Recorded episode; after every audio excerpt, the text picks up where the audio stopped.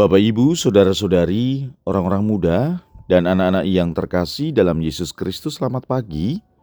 Salam bahagia dan salam saroja untuk kita semua berkat dalam. Bersama dengan saya, Romantonius Garbito Pambu Haji, menyampaikan salam dan berkat Allah yang Maha Kuasa dalam nama Bapa dan Putra dan Roh Kudus. Amin. Hari ini Senin 2 Oktober dalam hari biasa pekan biasa ke-26 bertepatan dengan peringatan wajib para malaikat pelindung. Bacaan pertama dalam liturgi hari ini diambil dari kitab Keluaran bab 23 ayat 20 sampai dengan 23a. Bacaan Injil diambil dari Injil Matius bab 18 ayat 1 sampai dengan 5, dilanjutkan ayat 10. Sekali peristiwa datanglah murid-murid kepada Yesus dan bertanya, Siapakah yang terbesar dalam kerajaan surga? Maka Yesus memanggil seorang anak kecil dan menempatkannya di tengah-tengah mereka lalu berkata, Aku berkata kepadamu, sungguh, jika kamu tidak bertobat dan menjadi seperti anak kecil ini, kamu tidak akan masuk ke dalam kerajaan sorga. Sedangkan barang siapa merendahkan diri dan menjadi seperti anak kecil ini, dialah yang terbesar dalam kerajaan sorga. Barang siapa menyambut seorang anak seperti ini dalam namaku, ia menyambut aku. Ingatlah, jangan menganggap rendah seorang dari anak-anak kecil ini. Karena aku berkata kepadamu, malaikat mereka ada di sorga dan selalu mandang wajah Bapakku yang di sorga. Demikianlah sabda Tuhan. Terpujilah Kristus.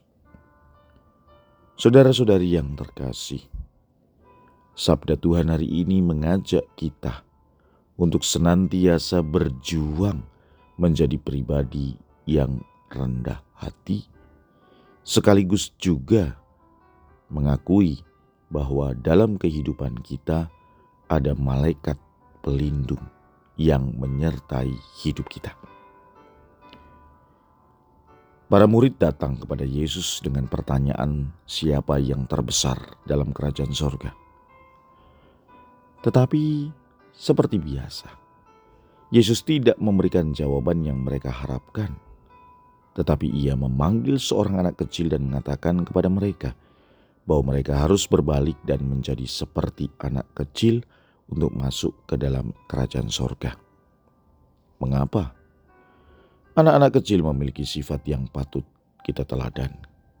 Mereka memiliki hati yang tulus, sikap rendah hati yang cukup kelihatan, punya keingintahuan yang besar, dan punya juga kesediaan untuk belajar.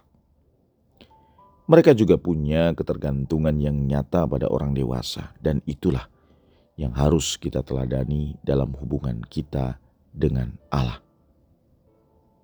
Ingat, yang diinginkan oleh Yesus adalah memiliki sifat yang seperti anak-anak kecil bukan kekanak-kanakan.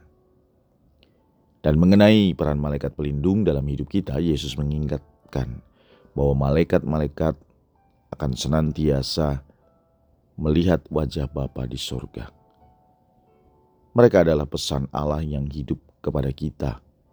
Malaikat-malaikat yang senantiasa melindungi dan membimbing kita dalam kehidupan ini.